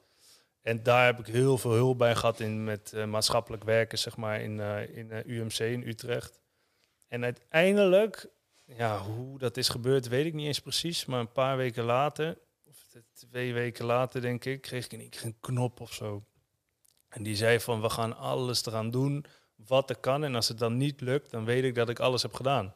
Ja. Maar, maar was dat, is dat een persoon geweest? Is dat een gesprek geweest? Of is dat, ben echt, dat was echt jij? Het is wel een, een man geweest, zeg maar, een maatschappelijk werker daar, die mij... Ik heb eerst twee maatschappelijk werkers gehad, wat niet echt... Klikte niet. Nee, dat lukte niet. Ja. En ik kreeg paniekaanvallen en zo. Ja, ik heb dat allemaal nog nooit gehad. Dus op dat moment was dat heel raar. Omdat ik dat, ja, ik wist, ik, dat gebeurde gewoon. Dat, dat krijg je dan terwijl je helemaal niet zo in elkaar zit voor je gevoel. Maar toen kwam er een man en ik weet zijn naam ook niet. En ik heb dat nooit meer achter, kunnen achterhalen. Maar die werkte ook in, eh, in Utrecht. En die heeft mij een bepaalde trigger gegeven of zo. En ik ging over dingen. In één keer begon ik te praten. Mhm. Ik praat eigenlijk niet. Ook niet tegen mijn ouders, tegen niemand. Lijkt me ook heel moeilijk. Heb je er wel- later wel eens met je ouders over gesproken? Ja, die vonden dat het moeilijkste wat er is. Omdat die... Je toekomst heel onzeker. Dus zij weten ook niet of ik ooit weer ga praten of zo. Of Mhm. dat het ooit iets anders wordt. Dus ja, voor mijn gevoel was het niet moeilijk. Maar voor buitenstaanders heel erg. Ja. Dus die, die, ik wilde ook niet mijn vrienden zien of zo. Ja. Die wilde ik niet. Je wilt eigenlijk aan Ik niets wilde herinnerd niks. worden wat met Ja, jouw vorige ik- leven ik dan. wilde, ja, ja. nee, ja, ik wilde die niet gewoon onder ogen komen. Ik, ik hoefde die mensen niet. Ik wilde gewoon niks. Ja, maar als je het... ah, Je maakt net een opsomming qua tijd. Het is natuurlijk ook allemaal heel kort op elkaar. Is ook zo. Dus als je er ook over terugdenkt, wat je van jezelf verlangt. En dat je eigenlijk heel snel dan toch die trigger hebt gevonden. Ja. Waar een ander misschien jaren of misschien ook niet eens uitkomt. Nou ja, dat is ook zo. Ik heb uiteindelijk fysio gekregen. Eens in het, in het eh, UMC. Had ik heel veel moeite met die fysio. Want die probeerde mij op te vrolijken, maar dat lukte niet. Nee. Heel veel ruzie met hem gehad. Maar uiteindelijk... ehm, ja, ik kreeg gewoon die, die trigger van die, van die maatschappelijke werken van... Probeer het nou. Het klinkt nu heel cliché natuurlijk, maar probeer er gewoon alles uit te halen. En dan zien we wel het strand. Want je kan... Je weet het toch niet. De doktoren weten het niet, jij weet het niet, ik weet het niet. Dus ga proberen. En toen merkte hij na een week werd het van niks, je kan er weer op staan. Misschien. Na, ja, het is nu een week, maar na acht weken is het in één keer van je kan hem een klein beetje buigen. Ja. Na een half jaar is het misschien kan je ooit weer erop lopen. Dus dan krijg je toch een soort van eh, Hele positieve impulsen. Ja, zo, tuurlijk. ja. Ja. dat je toch nog meer eruit. En ja, nu ben ik eh drieënhalf jaar later en nog steeds ga ik naar de fysio. Omdat ik weet dat het misschien helpt. En ook al helpt het niet, weet ik in ieder geval dat ik er alles voor doe. Ja. Maar Ja. hoe is het dan nu? Hoe, hoe zou je het zelf... Wat kan je wel, wat kan je niet? Ik kan lopen en eigenlijk verder niks. Dus ik kan, ja, maar ik mag het ook niet. Dus Mhm. ik mag niet springen, ik kan niet rennen. Ja. Ik, ehm, het is lopen, maar dat, dat probeer ik in mijn achterhoofd. Dat is al heel wat. Dat is voor... Als je zegt, je hebt een klap Ja. van 90-90 Ja. opgevangen. Ja. En, en je kan dit. En ook mentaal Ja. ben je nu zoals je bent. Dan, Ja. Ja. ja, precies. En eerst zeggen ze van je been wordt misschien geamputeerd. Nou, dan kom je daar en dan kan je nooit meer staan of lopen. Dus uiteindelijk hoe ik nu kan lopen, en dat is wel, ik zit, er zit een eh, prothese in mijn been. Er zitten zulke lange pinnen in mijn onderbeen en bovenbeenbot geboord eigenlijk. Maar ja, ik heb het geprobeerd met mijn oude knie. Maar dat, je moet je voorstellen, daar, daar zat geen kraakbeen in. Er zat geen eh, meniscus in. Er zaten geen kruisbanden in. Het zat heel weinig nog Eigenlijk in. niks. Ja, ja, ja, ja. Dus dat ging over elkaar heen. Eigenlijk, mijn bot ging over elkaar. Dus na ja, drie keer lopen zei hij al van dit gaat niet werken. Want ze zagen al slijtage, zeg maar, dat het bot op bot Ja, was. ja. Dus de enige optie was een nieuwe knie. En ja, dat heb ik gedaan. Uite- Uiteindelijk best wel veel ellende mee gehad. In oktober laatst nog geopereerd. Omdat er een infectie in mijn knie zat na twee jaar. Dus best wel veel, eh, ja, veel ellende ook alweer wel ermee meegemaakt. Maar nu op dit moment voelt het goed. En ja, ik hoop dat het zo blijft. Maar ik slik nog steeds antibiotica. Moet ik mijn hele leven lang blijven slikken. Maar op dit moment, ja, na omstandigheden voelt het goed. Ja. Doet het je wat om dit zo misschien voor de zoveelste keer weer te vertellen? Of, Ja, het, het blijft altijd wat doen. ja. Omdat nu wat jij net zegt, weet je wel, van het is pas drie, vier jaar geleden dat je nog voetballer was. Ja, ja, En mijn leven is voor mijn gevoel nu zo ontiegelijk omgedraaid. Niet dat dat erg is, maar wel, ja, je denkt dan toch wel weer terug. Ja, en ik praat ja, er wel gewoon over. Dat vind ik geen probleem. Ja. Want ik vind dat ook wel goed om over te hebben. Ja, Want ik wil het niet opkroppen, zeg maar. Ik heb het liever dat ik het ook gewoon eh, ja. wegpraat. Maar het doet me altijd wel wat, tuurlijk. Ik, eh, was, ik ben bijvoorbeeld ook wel eens aan het denken... wat zou, als het niet was gebeurd, waar stond ik dan? Maar ja, dat weet je nooit. Nee. Maar er zijn wel dingen waar je over nadenkt soms. Maar wat ook, wat ook wa- waarvan ik persoonlijk vind, daar moet je ook de ruimte voor nemen dat dat hele normale gedachten zijn. Dat dat toch, dat je Zeker. ook dat ja. plaatje gewoon even voor jezelf afspeelt. Maar als je het vergelijkt met de persoon Leon daarvoor en de persoon die nu hier zit, is, is, is daar een groot verschil in? Ja, wereld van verschil. Wat is het verschil? Ja, het, het, het grootste verschil is dat je... ehm, en dat zijn cliché dingen misschien... maar dat je ehm, dingen niet als normaal gaat zien. En dat deed ik wel. Mijn leven, dat kabbelde gewoon voor. Ik was elke dag aan het trainen in huis. Eigenlijk best wel veel hetzelfde. Best wel een bubbel, een soort voetbalbubbel. Ja. En nu, eh, ja, mijn leven ziet er zo anders uit. Ik geniet veel meer van dingen, ook al kan ik veel minder, geniet ik toch meer van de dingen die ik doe. Ik geniet zelfs als ik een dagje aan het werk ben. Terwijl heel veel mensen wel eens zeggen van Ja. eh, werk, het is dat het moet, daarom doe ik het. Ja. Maar ik geniet daarvan. Dus ik heb iets anders gevonden in de makelaardij. En daar, eh, ja, ik geniet gewoon dat ik dat kan doen.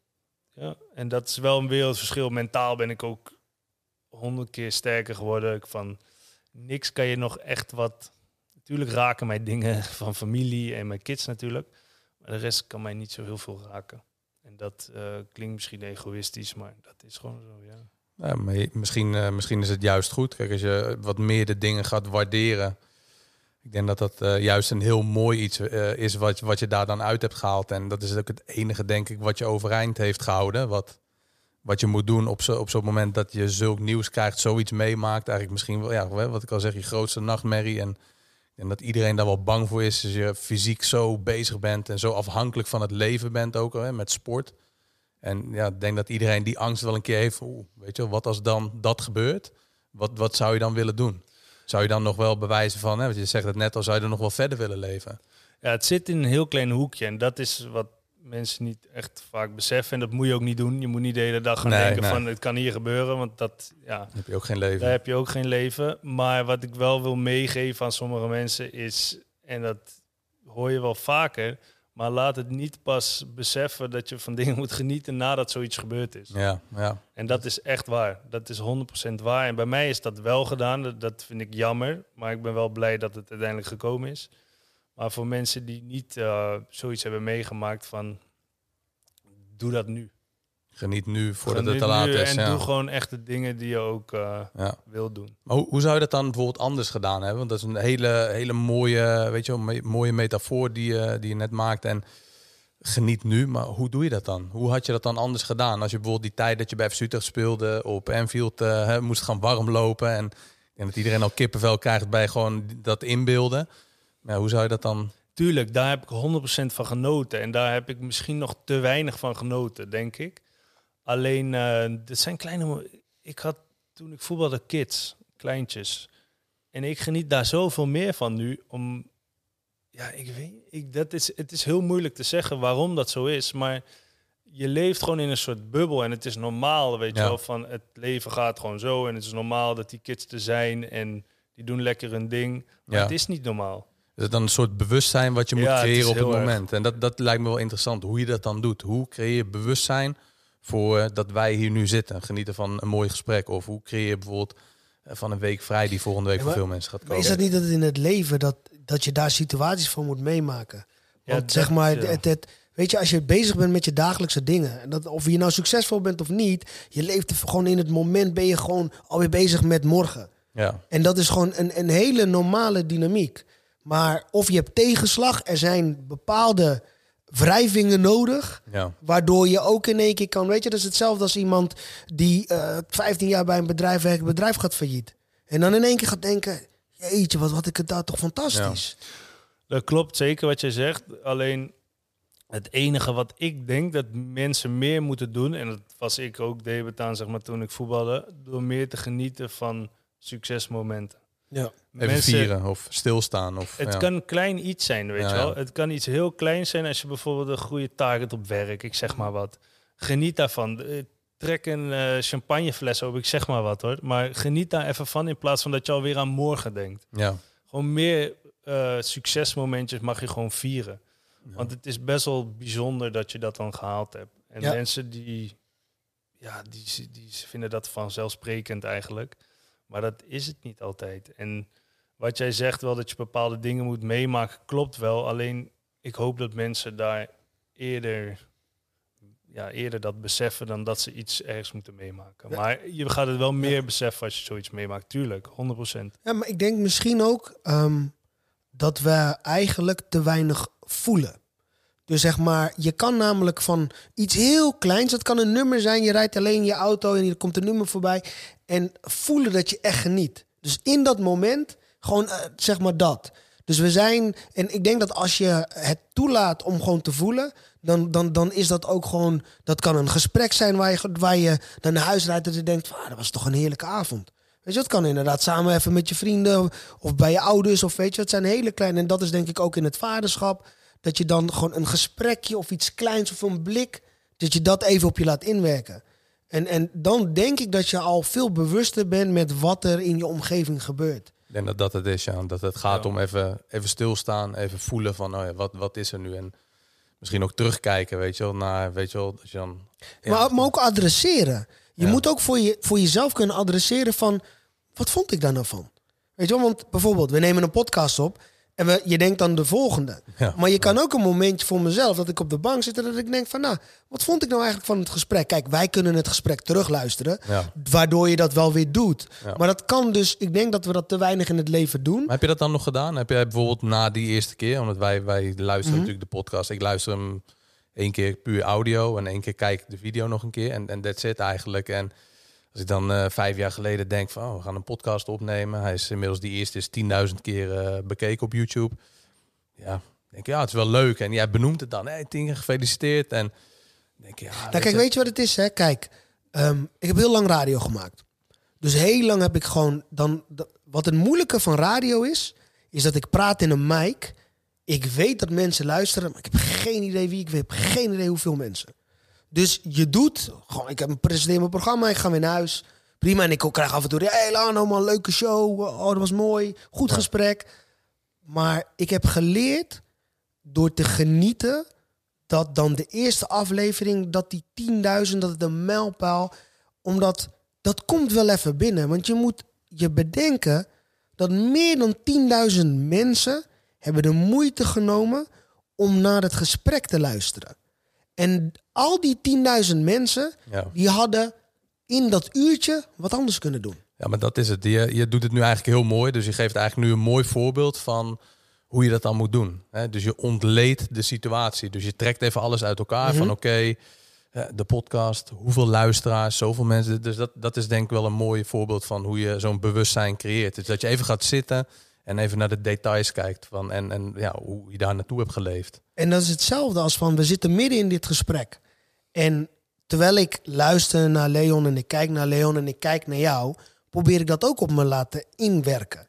Omdat ik besef dat je kan over iets van jezelf vertellen, maar dan is het alsof je over jezelf vertelt. Ja, Maar aan de andere kant zit je daar gewoon. Dus ik merk ook als ik naar je kijk of als ik bepaalde dingen zet, dat ik zie dat Leon het op zich in laat werken. Dus daardoor pakt hij ook bepaalde dingen dat je zegt van ja, dat is wat je zegt. En wat ik zo mooi vind is dat uit bepaalde dingen, zeg maar, ehm, Leon heeft het beleefd, geleefd en je leeft nu je, je leven.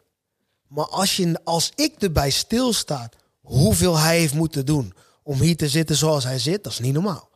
Dat is, daar moet je mentaal zo verschrikkelijk sterk voor zijn. Als iemand het al moeilijk vindt om vijf kilo af te vallen. ja, En zichzelf die pijn niet te kunnen doen, ja. zeg maar. Maar wat als jouw hele been er niet is? En tegen jou wordt gezegd, hij moet worden geamputeerd. ja, ja, Dus ehm, Leon vertelt het in een paar zinnen. ja, ja. Maar dat zijn dagen, weken, maanden. En dan nu nog weer een infectie in oktober. Weer.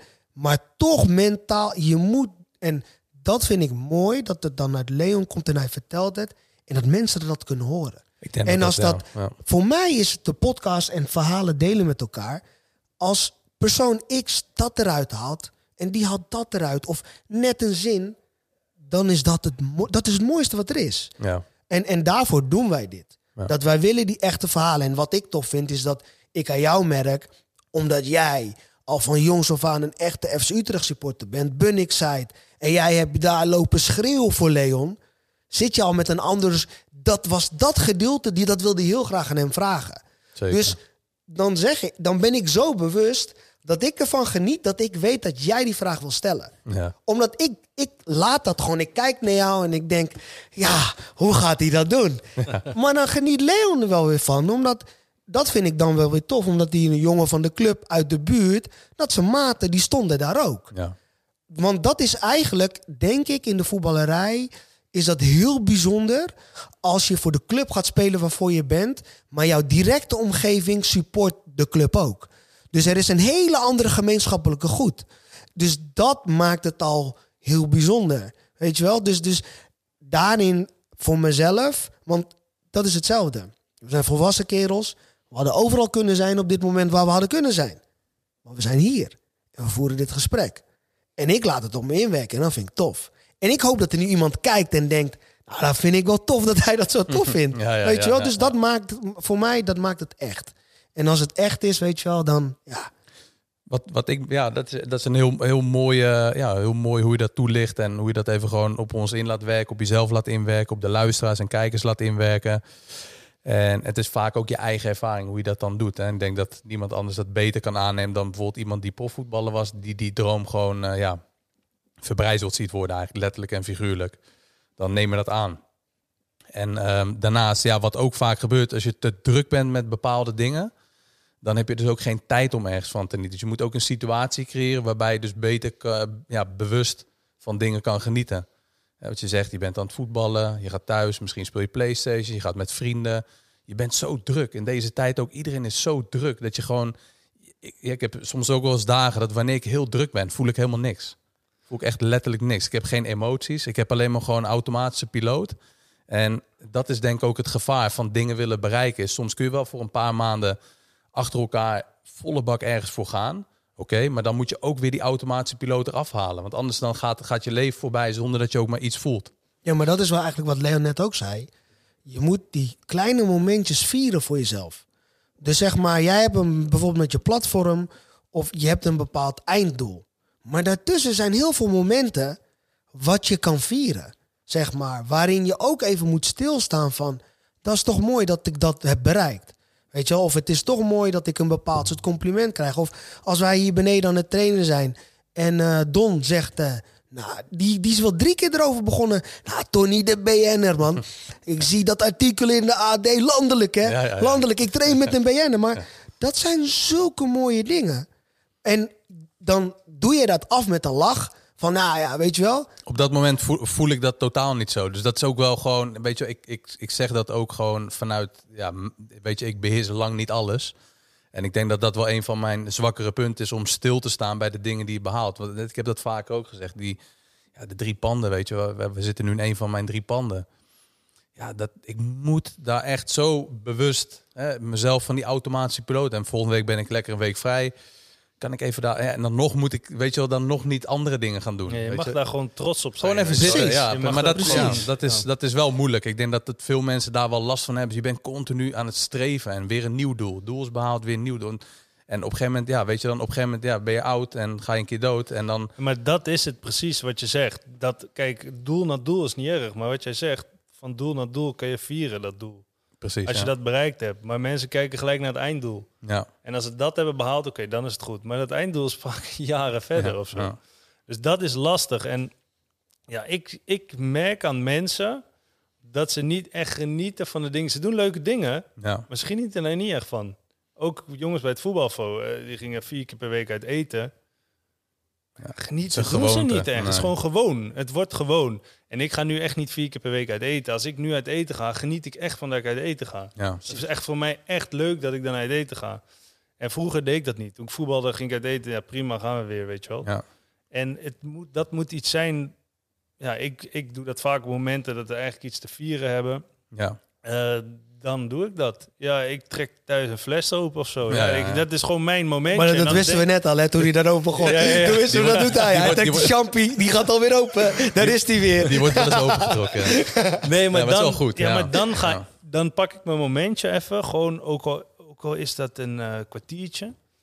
Dan ga ik even over dat punt nadenken gewoon. Ja, En er hoeft niet eens wat uit te komen, maar gewoon denken van hoe ik dat gehaald, weet je wel. En dan kun je best wel trots op jezelf zijn Ja. soms. En soms denk je ook van, nou, misschien had ik toch iets anders beter kunnen doen.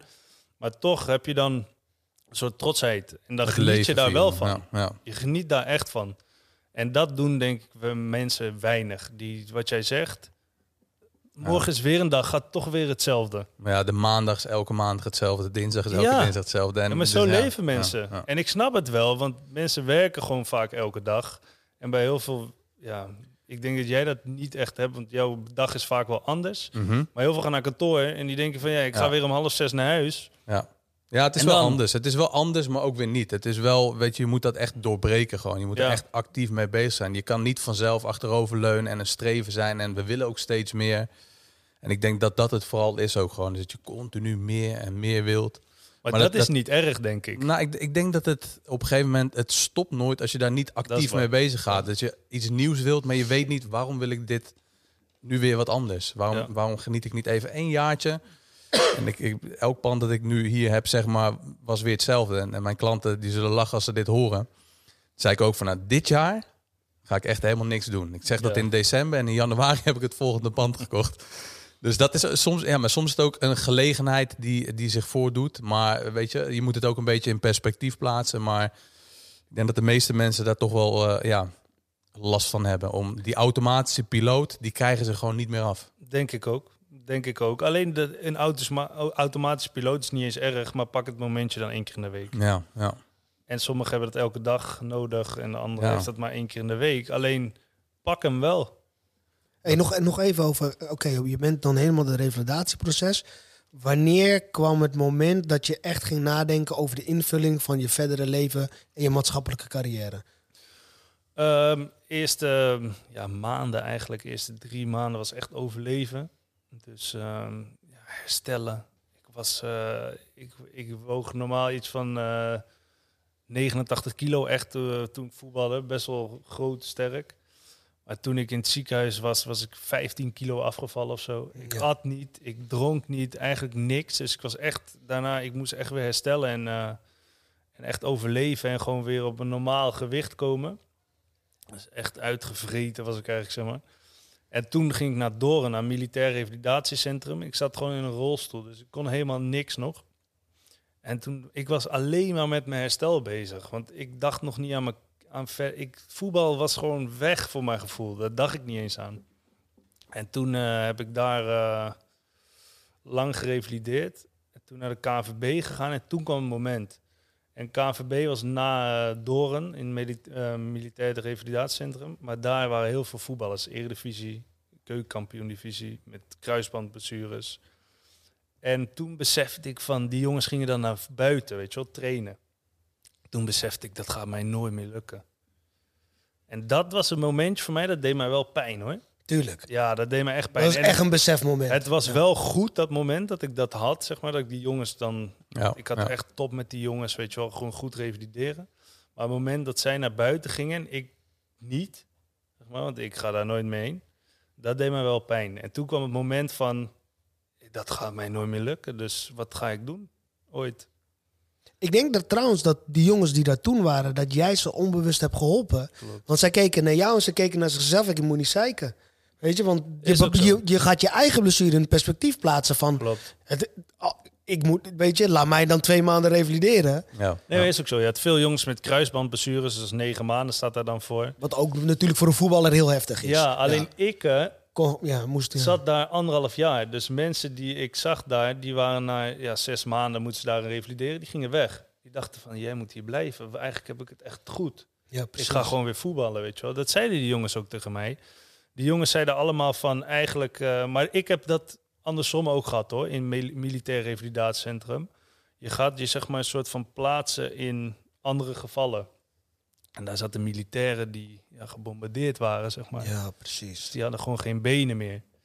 En dan denk je van, het het had nog erger gekund. Hoewel dit erg is, tuurlijk, je bent alles kwijt. Alleen het had nog erger gekund. En dat is voor die jongens bij het voetbal is dat denk ik best wel geholpen. Ja.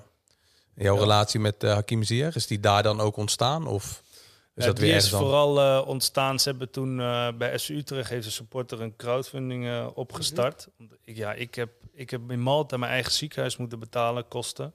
Omdat ik niet eh, verzekerd was. Want ik was in Spanje verzekerd natuurlijk, maar alleen voor, voor Ja. voetbalblessures. Ja.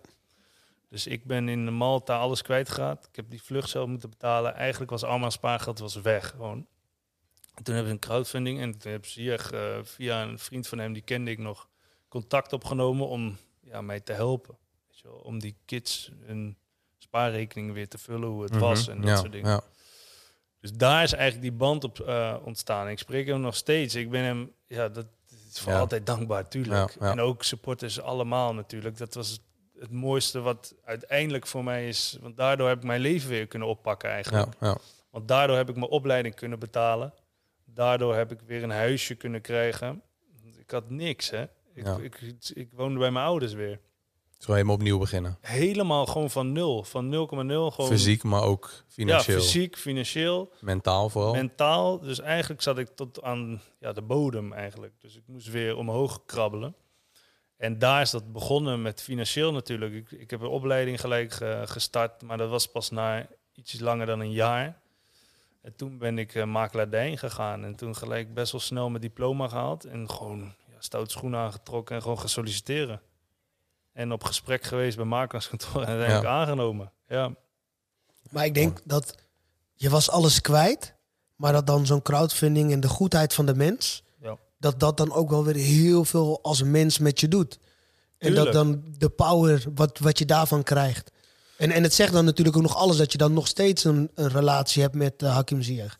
Nee, ja, tuurlijk. Daar ben ik die mensen. Ik heb ook die, die vrouw van die de crowdfunding heeft, Carolien van Meel, die heeft dat opgestart. Die, spreek ik ook nog steeds. Maar dat doe ik niet omdat ik dat denk dat moet. Maar dat doe ik gewoon omdat ik dat fijn vind. Weet je, omdat ik een goede relatie met die mensen heb. Omdat ze iets voor mij hebben gedaan wat ik nooit meer zal vergeten.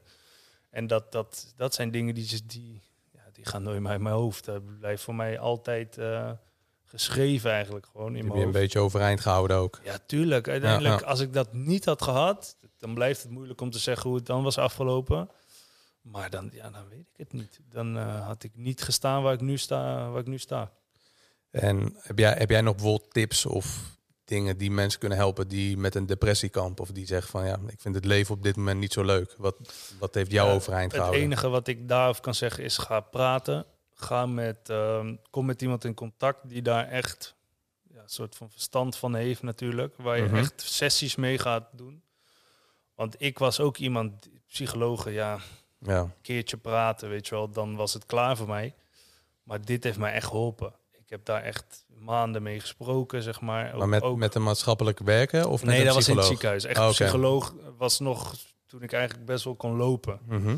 Maar ik had gewoon flashbacks en ja, dat krijg je, dat, dat komt pas twee jaar later. Dat zeiden ze ook. Van dan Ja. ga je pas echt beseffen wat er is gebeurd en dan krijg je ook flashbacks van het ongeluk. Ja. En ga praten en zeg wat, je, wat, wat pijn doet, zeg maar. En Ja. eh, zeg wat gevoel je hebt. Zeg dat je suicidaal bent. Ja, dat klinkt nu heel erg extreem, maar dat had ik wel. Ik vind het En ik- logisch dat je ik die moest gedachte dat had. zeggen, ja. ja. ja. En daar, zij schrikken daarvan, maar zij weten wel een beetje jou te benaderen op een manier, omdat ze dat vaak hebben meegemaakt. En dat, Ja. voor mij heeft dat heel erg geholpen. En verder denk ik, ja, verder denk ik, zoek het bij je vrienden, weet je wel, praten, blijf erover praten. Zelfs nu als ik met vrienden ben, praten we er gewoon over. Heb je nog steeds allemaal dezelfde vrienden? Ja, ik heb mijn vrienden zijn er vanaf dat ik in de F7 zit. Ja, stop. Uithoud allemaal. Allemaal. Ze wonen een paar in Utrecht nu natuurlijk, maar allemaal van voetbal SV Houten. Echt vanaf dat Maar het is wel bijzonder, hè? Het is, Is wel heel echt heel bijzonder. bijzonder. Ja, Echt dat dat we nog, zes, ja. zeven zijn en Ja. nog steeds. Ja, met z'n achten ongeveer zijn we. Ja, dat is wel, dat is wel Ja, dat is top hoor. mooi. Ja, ja. Maar die zijn er altijd voor mij geweest, weet je wel. Ik, eh, ik, ik woonde toen een tijdje in Zeist, omdat ik gelijkvloers moest wonen. Had ik bij mijn oma hadden we toen eh, mijn oma een eh, gelijkvloerse woning gehuurd. En ja, mijn ouders zorgden voor mij. Ik kon helemaal niks natuurlijk. Ik kon, ik kon niet eens een eh, beker drinken pakken, want ik kon mijn bed niet uit. Dus, eh, maar mijn vrienden waren er dan s'avonds, weet je wel. Ja, gingen ja. met de rolstoel dan buiten verlopen met mij. Maar dat is confronterend, maar wel goed. Dat, Ja. die, hebben, die zijn altijd voor mij geweest. Dat is eigenlijk wel het belangrijkste, denk ik. Hè? Hoe, hoe slecht de situatie ook is. Die confrontatie met die situatie niet aangaan is denk ik het slechtste wat je kan doen. Tuurlijk, dat is ook zo, zeker. Ja, en je moet het ook doen. Ja, het is misschien... Ja, Maar je, je kan niet uit bed, dus je moet ook gewoon plassen in bed. Gewoon in een, in een emmer, maar dat gingen zij gewoon weggooien, hoor. ja, ja. Zij waren er altijd voor mij, weet je. Niks was te gek, gewoon... Ze stonden altijd achter mij en dat, ja, dat is top. Als je dat soort vrienden hebt, heb je alles. Heb Heb je ze toen aan. echt ook leren kennen? Of eigenlijk wist je daarvoor eigenlijk wel al dat jullie gewoon hele goede vrienden Wij waren? zijn, ja, we zijn echt goede vrienden. En dat, Ja. dat, ja, als je dat van jongs af aan al zo en best wel veel hebt meegemaakt, gewoon samen, dan zal dat nooit kapot gaan, denk ik. Ja, nee, nu helemaal niet meer, denk ik. Nee, nooit, nooit, nooit. Nee. Het zal altijd maar, maar waarom de makelaardij? Ehm, vooral omdat ik ja, met voetbal, wat ik zei, ik heb toen in 2013 weet ik nog een huis gekocht in Houten. Uiteindelijk anderhalf jaar, twee jaar zelf verkocht. Zonder makelaar toen nog. Dat moet je nu niet meer doen. Nee, en ehm, ja, huizen gehuurd in Barcelona. In Venlo heb ik nog gevoetbald. Huis gehuurd. En dat, dat, ja, ik weet niet, dat interesseerde mij altijd gewoon. Een beetje met de huizenmarkt. En daardoor eh, met mensen bezig zijn. Niet de hele dag op kantoor zitten, maar gewoon buiten de deur. Bij mensen over de vloer komen, gesprekken houden. Dus dat, dat leek mij gewoon leuk. En uiteindelijk moet je nog steeds kijken of het echt bij je past. Maar ja, ik ben begonnen en nooit spijt van gehad. Ja. Mooi hoor. Heel mooi, Ja, is zeker. heel mooi. Ja, ja ik, ik, denk, eh, ik denk dat dit een, eh, een mooi moment is ook om... eh, ja. Ja, ben je er klaar mee, jongen? Nee, ik denk... Ja, grapje. hij, begon, hij begon voor de uitzending toch zelf een grapjes te maken. Ja, ja. Dan moeten we nee. even terugpakken, toch? Daar hebben we- hebben wij een knopje Ja, voor. ja, we hebben een knopje. Maar goed, nee, eh, ik, ja, ik, denk, ik denk ook, ja, weet je, dat dit alles omvat wat puur de podcast ook inhoudt. Dit is eh, puur, dat kan het niet. En ik eh, ben heel dankbaar voor, voor jouw verhaal en dat jij hier aanwezig was om bij de derde podcast jouw verhaal te doen en ons mee te nemen in het verhaal van een profvoetballer. En ook mee te, mee te nemen in de nachtmerrie die zich vervolgens daar afspeelde. En jij nooit meer kon voetballen, maar ja, zo sterk daar weer bent uitgekomen. Ik denk dat dat de allermooiste boodschap is die wij aan mensen kunnen meegeven. Die jij aan mensen kan meegeven vooral. En ons in de gelegenheid hebt gesteld om dat ja, te delen met mensen. En dat is heel bijzonder. En ik denk dat, dat mensen dat ook goed beseffen. Ik besef het in ieder geval wel. Hè. We hebben het er net over gehad. Maar ik besef heel goed hoe bijzonder dit is. Van tevoren heb ik dit ook al wel even beseft. Voor mij persoonlijk, maar ook gewoon het verhaal. Uh, ja, dit gaat over ondernemen, sporten, vallen, opstaan in de meest pure vorm. En ik wil hem nog wel één vraag stellen. Zeker. Want hij is, hij is net 30 geworden, gaat lekker nu in de makelaardij. Waar gaat het heen dan? Wat zijn, wat zijn de doelen? Ja, de doelen zijn om uh, ja, nog verder in de makelaardij natuurlijk te komen. En daarnaast heb ik uh, ja, een huisje in Spanje. Heb ik uh, samen met werk ook gedaan. En de verhuur regel ik daarvan. Dus ja, er zijn genoeg dingen waar, wat ik ja, toch... uh, over de hele wereld zijn huizen, Daarom. In de hele wereld hebben, ze, hebben mensen onderdak nodig. Ja. Dus nee, nee, nee, maar dat soort dingen. Vooral, uh, ik heb mijn vriendin, ik heb, ik heb mijn kids. Ik heb echt genoeg om voor te leven. En dat, uh, dat zijn mijn doelen eigenlijk. Ik heb natuurlijk werkdoelen, maar mijn grootste doel is het te zijn voor mijn kids. En dat ben ik er niet altijd geweest voor het ongeluk. Dus ik wilde voor mijn kids zijn, dat is mijn belangrijkste doel. En ik wil uh, gelukkig zijn met mijn vriendin en mijn familie. Mooi. Heel mooi. Heb jij zelf nog iets toe te voegen uh, na mijn, uh, mijn slot? Misschien heb je zelf nog iets? Of... Nou, ik hoop dat mensen er misschien ook al pikken, wat jij zegt, ook al pikken ze er wat heel kleins uit, wat misschien kan helpen bij moeilijke tijden. Of tuurlijk, ik heb ook nog steeds mijn momenten. Hè. Ik ben ook Ja, wel eens ja. boos. Ik ben ook wel eens uh, ja, ergens teleurgesteld over. Ja. En dat kom ik ook niet gelijk uit. Maar uiteindelijk probeer ik wel te relativeren en dan Ja. ja, het in iets positiefs om te zetten. Maar ik hoop dat mensen daar iets mee kunnen. En ook al kan je er iets heel kleins mee voor het alleen maar leuk om te luisteren, ook helemaal goed natuurlijk. Ja, ja. Maar ik hoop dat, ja, dat iemand daar iets aan heeft gehad. Ik ben er wel van overtuigd dat het goed komt. eh. Jij niet? Ja, drop het in de comments. Ja, zeker. Ja, nee, ik denk het wel. Als je, als je, als je het een mooi verhaal vond, uh, ja, laat het zeker weten in de comments. En uh, namens mij en jou ook denk ik, Delano, eh, nogmaals heel erg bedankt. En voor de luisteraars, eh, top eh, dat jullie weer geluisterd hebben, gekeken wellicht. Als je het leuk vond, eh, ja, vergeet niet je te abonneren. Dat geeft ons ook een signaaltje dat het, eh, ja, dat het goed gevonden wordt. En weet je wat je moet zeggen? Als je, ze moeten ook een belletje aanzetten. Dan krijgen ze zo'n melding. Dat is zo goed. Ja, ja, dat is de YouTube-taal, hè? YouTube, ja, ja, ja nou, daar moet ik nog even inkomen. Een belletje. Nee, maar dat, is- dat is eh, hè, alle gekheid. Maar dat, eh, dat, dat zouden wij waarderen. En dan kunnen wij daar weer ons momentje voor pakken en even van eh, genieten. zoals we dat net hebben besproken. Even stilstaan bij de mooie en soms ook bij de minder mooie dingen in het leven. Eh, ja, voordat het wellicht te laat is. Ja, diep jongen. Zullen we daarmee het Dat is, die laten we even inwerken. Oké dan. Thanks, oké. Bedankt hè. Yo.